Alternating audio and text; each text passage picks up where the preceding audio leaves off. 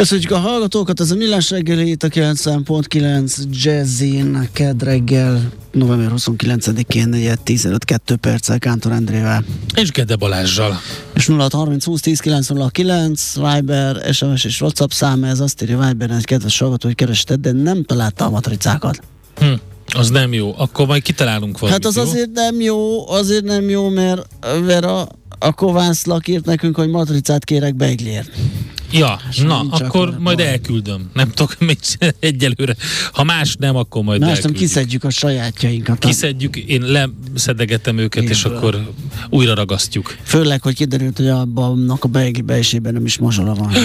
Áfonya. Júj. Jó. Ez, ez kár, hogy kiderül. Kell szerválni matricát. Na nézzük.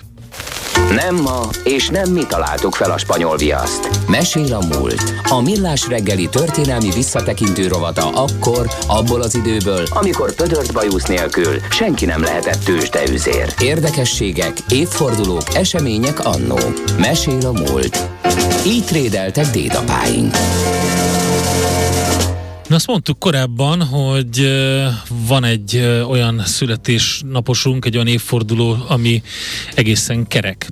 1802. november 29-én született Wilhelm Hauff, német író, meseíró, a Biedermeier korszak nagy alakja, és azt a címet adtam a beszélgetésnek, hogy a meseíró, akinek a meséit mindenki, nevét jóval kevesebben ismerik. Katona Csaba történész itt is van elmondani nekünk, hogy miért. Szervusz, jó reggelt! Szervusztok, jó reggelt! Szia, jó és reggelt. Tökéletesen, tökéletesen találó, amit mondtál, mert elég, ha csak annyit mondok, hogy a kismuk, és a kismukkot mindenki ismeri, ha máshonnan nem filmből, hanem Igen. is olvasta. De egyáltalán nem biztos, hogy ezt Wilhelm Hauff nevéhez kötik, már csak azért sem, mert egy keleti történetről beszélünk, miközben Hauff pedig sváb volt, Stuttgartban született, Stuttgartban is halt meg, Baden-Württembergbe. Következésképpen nem lehet kapásból kitalálni, hogy egy német alkotó munkájával van dolgunk, pedig de, hogy szépen fogalmazzak. És sajnos nagyon fiatalon halt meg, ugye nagyon rövid életet szánt neki a E, sors. igen, és az élete is kevés is, mert ugye nagyon-nagyon rövid idő adatot meg neki. A, elhangzott az előbb ugye a születési dátuma, 1827. november 18-án már halott volt. Gondoljunk bele, hogy nem érte meg a 25. életévét, és a komplett írói életműve, ami pedig nem nevezhető jelentéktelennek sem mennyiségben, sem pedig értékben, néhány év alatt született meg, és akkor nézzük meg az ő pályáját, és a meseírói tevékenysége mellett azért megpróbálom fölhívni a figyelmet néhány más munkájára is, mert vitathatatlan, hogy a meséről a legismertebb. Tehát ő azért a sváb költői iskolához tartozott.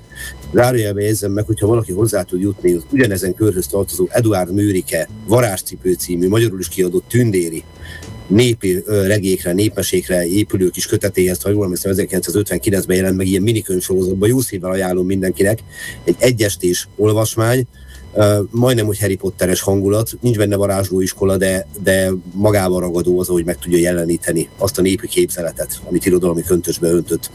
De hagyjuk Mőrikét, térjünk vissza magához, Hauffhoz, akinek hát egyáltalán nem volt arra predestinálva az élete, hogy író legyen belőle. Alapvetően ö, Liszt egy hivatalnok volt az édesapja, és viszonylag hamar el is veszítette az édesapát. Igazából tehát egy értelmiségi családba született, és innentől kezdve adott volt nagyjából a pályája abba az irányba, hogy belőle is valamiféle hivatalnok legyen. Tübingenbe járt iskolába, az a korszaknak az egyik legnevesebb iskolavárosa, ide járt teológiát tanulni az egyetemre, itt szerzett doktori fokozatot, tehát elég logikusnak tűnt, hogy innentől kezdve elinduljon valami olyan pályán, aminek semmi köze nincsen az irodalomhoz. És hát mindennek tetejébe még házi tanítóként is dolgozott, Ernst von Hügel nevezetű úriembernél, aki jól emlékszem, katona volt, de valamiből biztosítania kellett a megélhetését, és a korszakra jellemző módon még utazgatott is. Franciaországot járta be egyebek mellett, és gyűjtötte a különféle élményeket. Viszont amivel hírnévre tudott szert az részben az irodalmi munkássága volt, hiszen ahogy itt korábban is beszéltünk róla, megjelenített különféle mese jellegű írásokat. Azért mondanám hogy mese jellegű, mert ezek egyrészt a saját fantáziájának a szüleményei, de másról pedig épített a német népmesekincsre, meg a keleti mesekincsre. Ugye ez a kettő elválik tőle. Ha valaki olvasta a Spessárti fogadót, akkor emlékezhet arra, hogy abban egyrészt megjeleníti a, a, a Fekete Erdő, a Schwarzwald népmemese világát, például a Hideg Szív című munkájában, Aha. de megjelennek itt a keleti elemek is, ugye nem csak a kis muk köthető például az ő nevéhez a keleti elemekből, hanem például kell bővelkedő elbeszélésében, hanem például a kísértett hajó, vagy a gólya Gólya kalifa, igen. Igen, ez most hmm. kicsit kimaradt a, a net miatt. Gólya, a gólya kalifa, nem nagyon ismerős, vagy nagyon ismert. Így. Ugye a gólya kalifa az a történet, amikor gólyává változik a kalifa, és akkor hát így kell megismernie úgymond a világot, hogy amikor nem a fentről nézi a világot, mint kalifa mindenható úr, hanem kiszolgáltatott gólyaként. Az más kérdés, hogy utána visszaváltozik, és happy end végződik a történet. Én általában jellemzőek ezek a happy endek uh, a sztoriaira. Viszont uh, azzal, amivel be tudott robbani a német irodalomban, az a következő, hogy volt egy, ebben az időben egy divatos szerző, akit úgy hívtak, hogy Henrik Claurem. Uh-huh. Maradjunk annyiban, hogy úgy szoktak fogalmazni, az irodalom történetőt ma nem a maradandó szerzők között tartja számom, egy ilyen nagyon romantikus modorban és stílusban írt.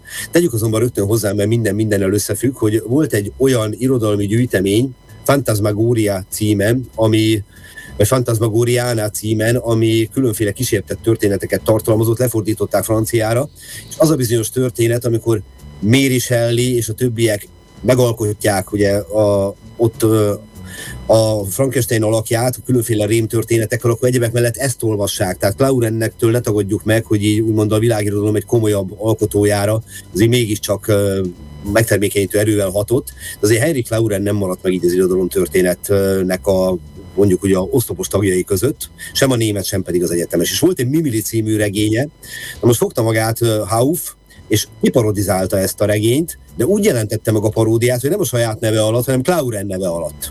Aha. És annyira eltalálta a stílust, a modort, hogy a Clauren hívei elkezdték, bocsánat a kifejezésre, zabálni ezt a könyvet.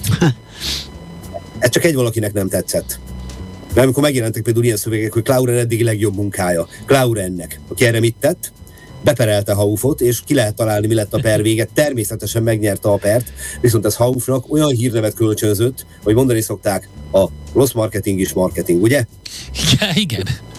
Tökéletesen működött a dolog. Sokkal olvasottabb ember lett, mint korábban.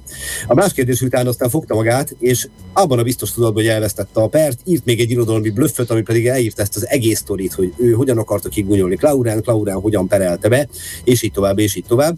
És innen lehetne akár Wilhelm Hauff életének a vége is egy happy end, hiszen a neves Stuttgarti kiadónál nevezetesen Johann Friedrich Kottánál kap egy szerkesztői állást.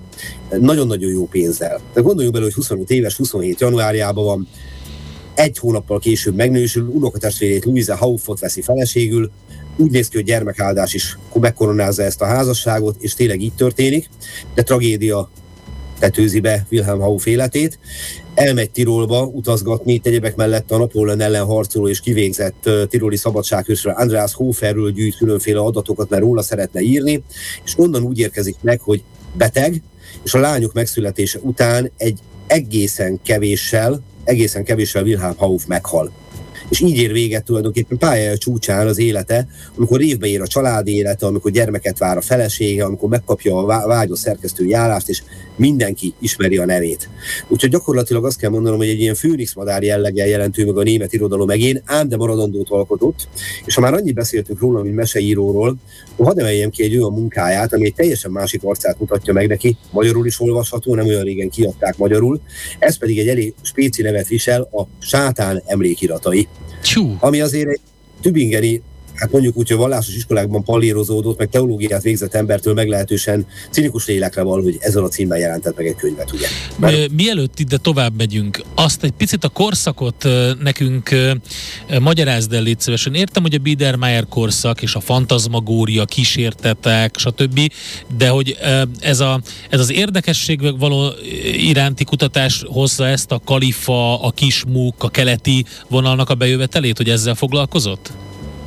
Igen, a világ kitágult, tehát ugye túl vagyunk már a felvilágosodás megszületésén, és a, a tudás, a partalan, pontosabban az a tudás, amiről arra vágyunk, hogy ez a tudás partalan legyen, hogy ne legyenek határai, ez ott munkál a kor értelmiségjeiben. Ugye uh-huh. itt jön elő az a gondolat, hogy megtanultak mindenbe kételkedni, mindig fölteszik a kérdést, hogy mi mióta van, miért van, milyen az emberi gondolkodás, milyen az emberi természet. Ez megjelenik a természettudományban, megjelenik az irodalomban, megjelenik mindenhol. Tehát egy ilyen végtelen tudásvágy, vagy talán úgy fogalmazni, egy tudás éjség működik az emberekbe, meg akarják ismerni a világot.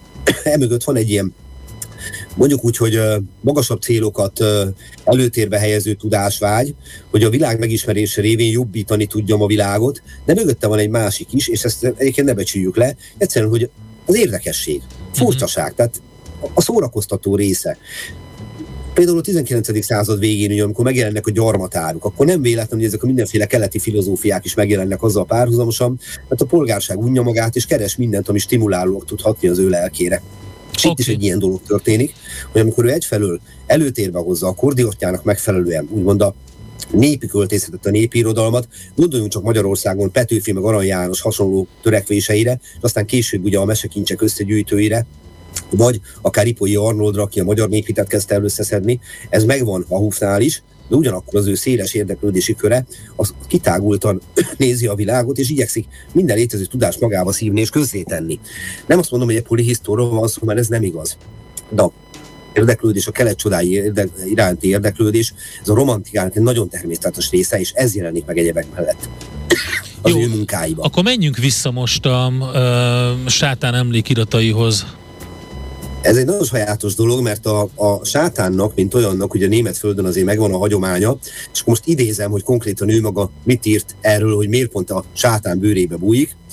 Németország kezdet óta rendkívül tetszett nekem, de nem tagadom, hogy a vallomás hátterében némi egoizmus rejtőzik. Itt ugyanis úgy hisznek bennem, mint az evangéliumban. Néhány vakmerő filozófusnak, akik annak a veszélynek tudatában, hogy esetleg magamhoz veszem őket, tagadják létezésemet és nevetséges figurává aljasítanak, mindez idáig nem sikerült lerombolni a nép boldog gyermekies hitét.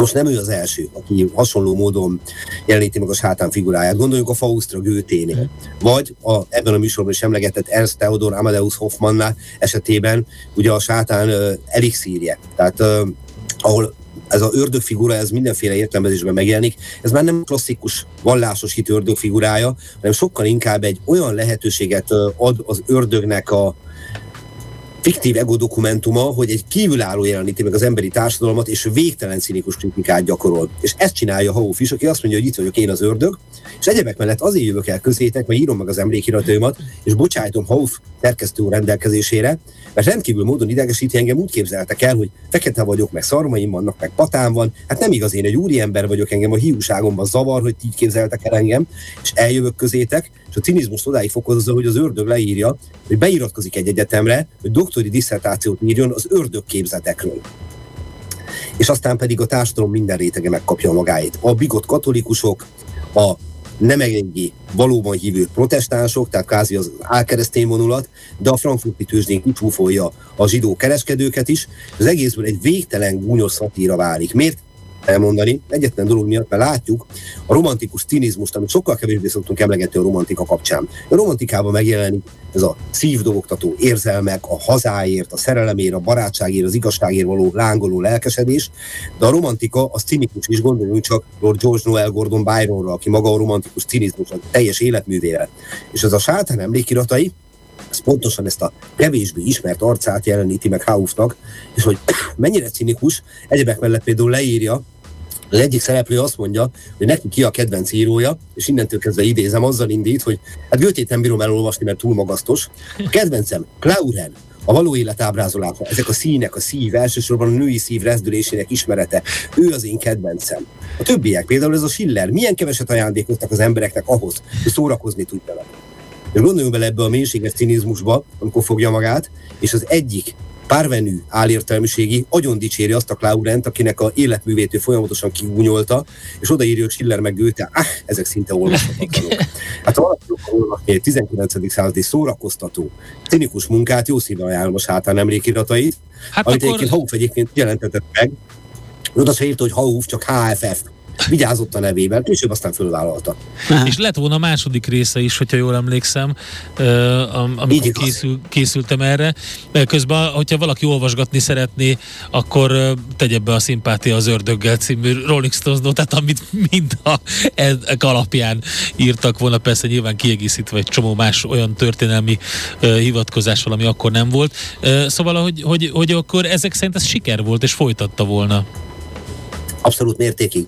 Tehát nem véletlenül született meg ez a műfaj, hogy ez a fiktív ego dokumentum nem véletlenül is, lett is, bocsánat, második része. Most le lehet, meg is jelent, igen, meg is jelent, és ott vállalta föl a szerzőséget igazából Aha. teljesen tisztán.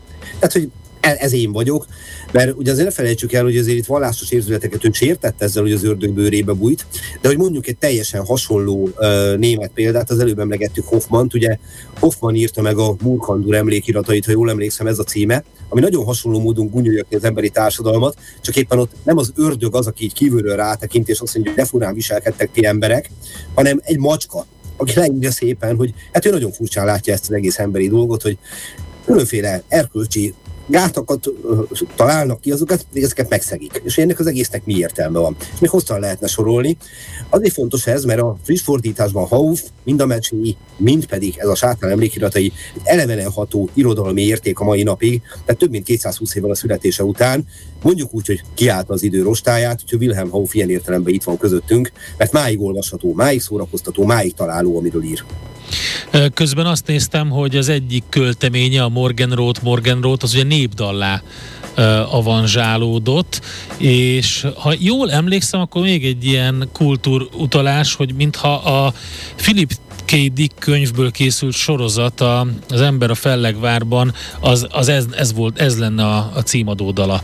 A Morgenrót, Morgenrót, ez egy ilyen katonadal lett belőle, népdal. Úgyhogy Igen, ez úgy, úgy járt, hogy nem egy költeményében, mint nálunk Petőfi Sándor, Aha. hogy dallamot költöttek mellé, vagy Kisfaludi Sándor korábban, és valóban a szerző neve úgymond levált erről a darabról, roppant népszerűvé vált, és megint csak oda jutunk el, a műsort kezdtük, hogy igazából mindenki ismerte Németföldön, azt, hogy ez Wilhelm Hauff írta, azt már sokkal kevésbé tudják, úgyhogy már csak ezért is örülök, hogy beszélgettünk róla.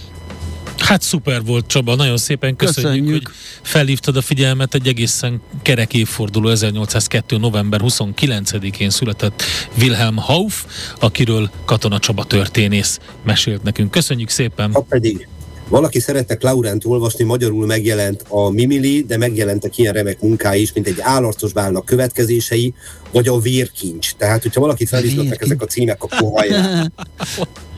Köszönjük szépen. A Köszönöm a figyelmet, sziasztok. Szép napot, szia. Katona Csaba történésszel beszélgettünk, tehát uh, Wilhelm Haufról, avagy uh, azt nézem, hogy már 35 éve halála után megjelent magyar nyelven uh, könyv tőle, ugye Hauf Vilmos. Hauf Vilmos, így van. Néven, igen. A, Der a regék, mulattató, tanulságos olvasmány ifjak és felnőttek számára. Talán ez volt az első magyar nyelven megjelent kötet tőle. Mesél a múlt robotunk hangzott el. Kövesd a múlt gazdasági és tőzsdei eseményeit kedd reggelenként a Millás reggeliben. Tőzsdei és pénzügyi hírek a 90.9 jazz az Equilor befektetési ZRT szakértőjétől. Equilor, az év befektetési szolgáltatója. Deák Dávid üzletkötő a vonalban. Szervusz, jó reggelt!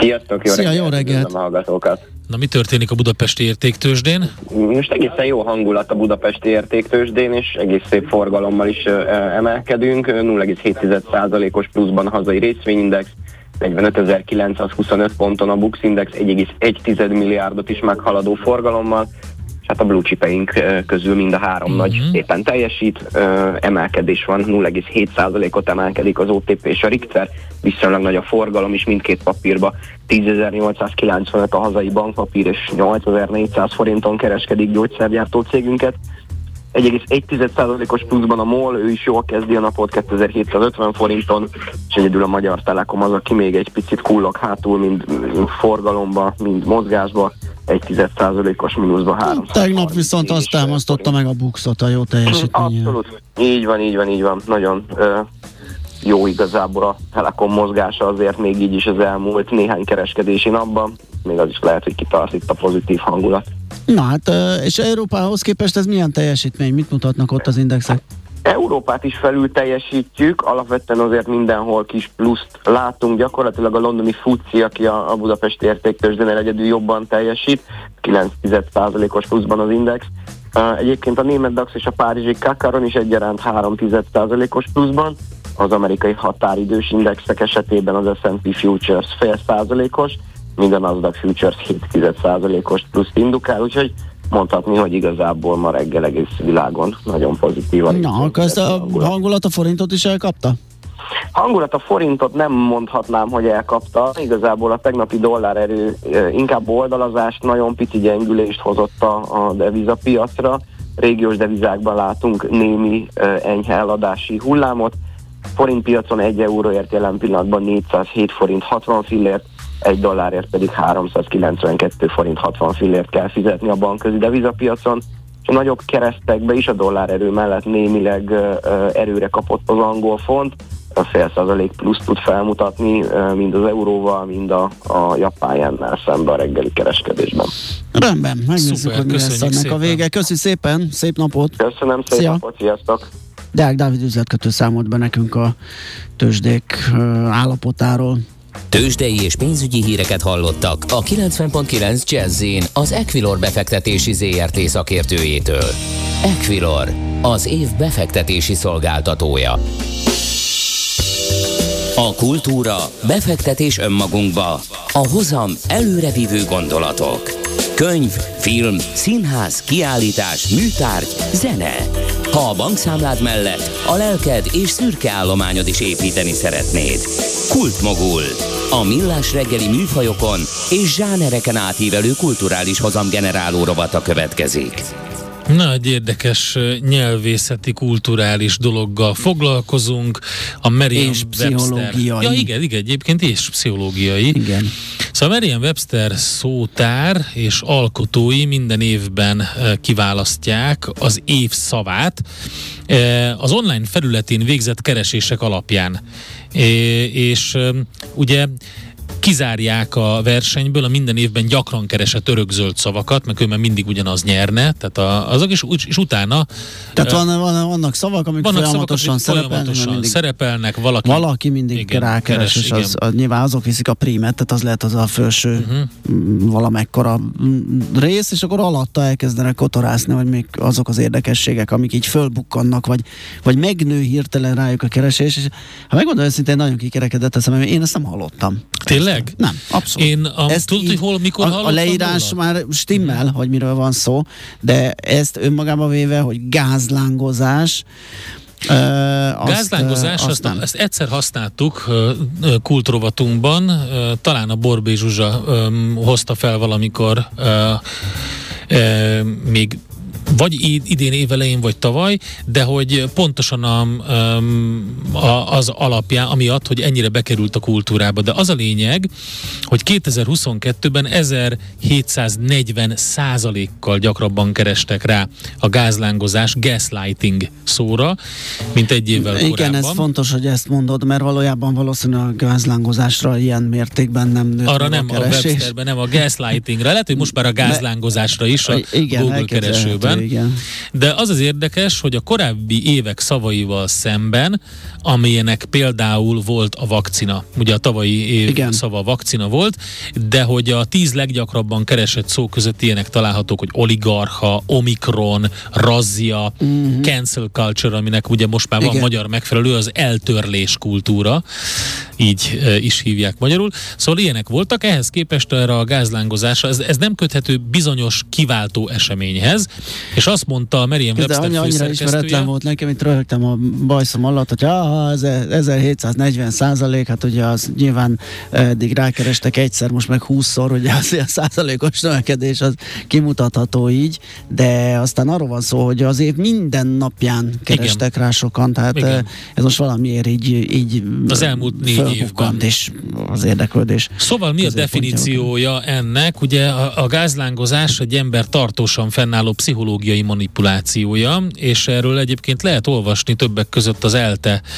oldalán is nagyon érdekes cikkeket, ahol például Vizin Gabriella, klinikai szakpszichológus, kognitív viselkedésterapeuta, az ELTE pszichológia és adiktológia tanszék adjunktusa magyarázza el, hogy pontosan mi ez az egész. Ugye ez egy, ez egy nehezen felismerhető, és inkább ez a problémája, nehezen kivéthető érzelmi, mentális abúzus, amelynek során a bántalmazó érvényteleníti a másik fél valóságérzékelését.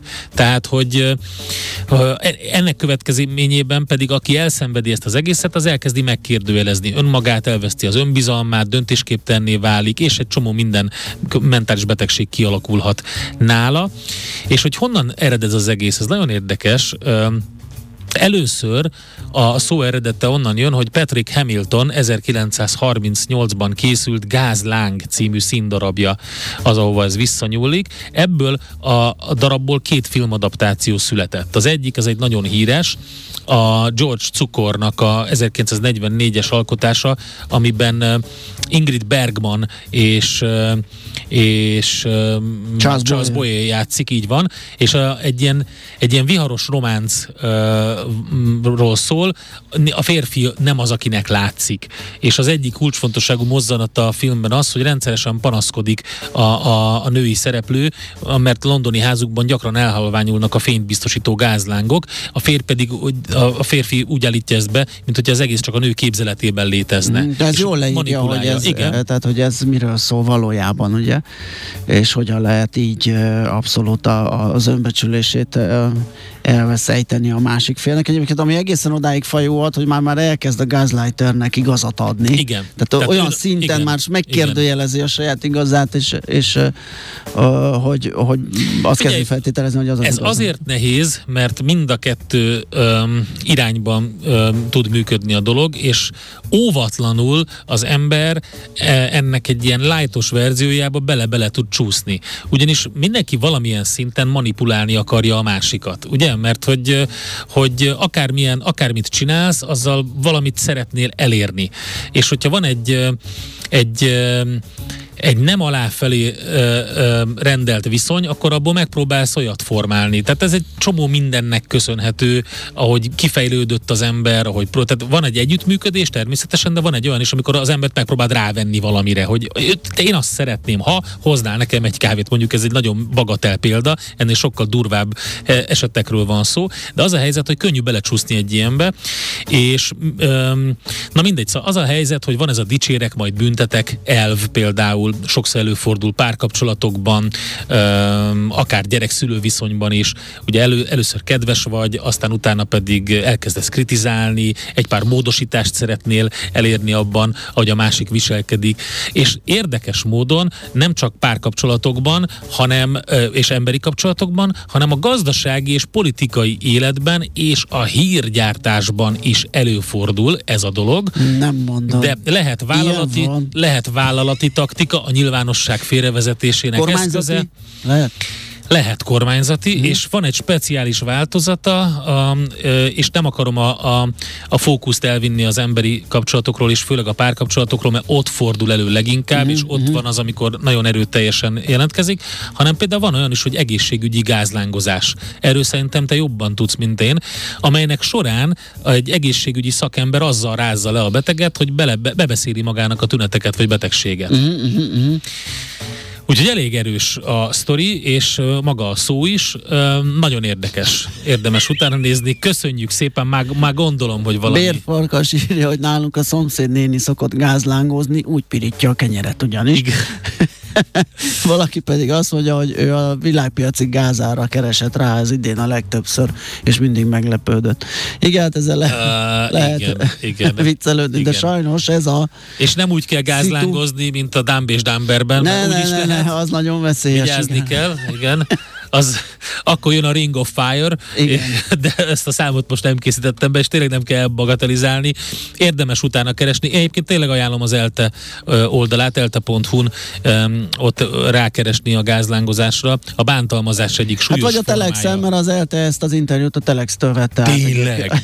Persze. Igen. Ne viccelj. De nem, nem, a, de a saját szakemberének a saját az szakember, nyilván ott adott interjút, ja. és ezt ugye mint egy használható jó anyagot és forrást föltünteti az ELTE is, tehát igen, igen, igen. Csak mondtam, hogy esetleg ott is fel lehet. Igen, úgyhogy mindenki figyeljen oda magára, nem manipulálja érzelmileg meg sehogy a másikat, hanem próbálja meg máshogy manipulálni, például pénzzel. Kultmogul.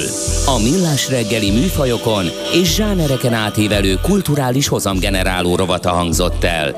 Fektes be magadba, kulturálódj! Na, Na, akkor javítunk egyet a műsoron. Én mondtam rosszat, mert hogy nem a Wilhelm Haufnak a szerzeménye van a Philip K. Dick könyvből készült sorozatban, csak rosszul emlékeztem, hanem a Morgan Roth, Morgan Roth, hanem az Edelweiss, Edelweiss című um, dalocska szerepel benne egészen hátborzongatóan, úgyhogy az ezt kijavítottuk, bár senki nem szólt, de azért javítsuk ki saját magunkat is, folyamatosan figyeljük. A másik az, hogy mi a másik? Nem tudom, azt érzem, hogy ezt megválaszoltátok, múlt hogy szerdán egy hallgató kérdezte, hogy a Mihálovics gazda, az ács fapados, a kántorzenéket hoz, a Gede ja. csinál. Ja nem, ezen röhögtünk egy nagyot. azt mondtuk, hogy ezt majd tőled fogjuk Á. megkérdezni. De nem árulhatjuk el. Nem árulhatjuk az el, pont azt csinálom, hogy az azért ez nem derülhet nagyon ki. Én egy háttér. Háttérből Háttérműveleteket. szürke eminenciásként így van, irányítja. Így van. Ezért nem derül ez Gázlángozza a stáb összes többi tagját. Igen. Köszi. Nem, de jó, nem tudom, van ilyen, hogy jó értelemben? Nincs olyan. Van, olyan nincs. Az, de, olyan azt, nincs. Jó értelemben vett gázlángozás nincs. Na jó, hát nagyon köszönjük a mai megtisztelő figyelmet. Holnap ismét millás, holnap ismét millás reggeli, fél héttől.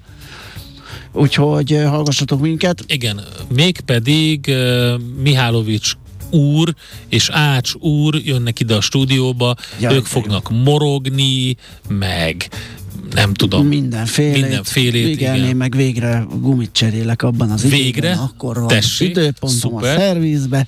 Utána jössz holnap ide. Utána megint jövök, igen, meg te is. Én is. Aztán igen. megint Aztán nem. nem, de az már december, igen, az már tök mindegy. Szerintem itt most már ne folytassuk, ha nem tessék minket hallgatni, és akkor kiderül, hogy mikor ki van. Köszönjük még egyszer, hírek jönnek most Micivel, zenék, dalok, tudásmorzsák, még okos utasnak is kell lennie, mert kedv van. van. Tényleg. Úgyhogy ezt tudjuk kínálni, és nagyon szép napot kívánni. Sziasztok! Már a véget ért ugyan a műszak, a szolgálat azonban mindig tart, mert minden lében négy kanál. Holnap reggel újra megtöltjük a kávés bögréket, beleharapunk a fánkba és kinyitjuk az aktákat.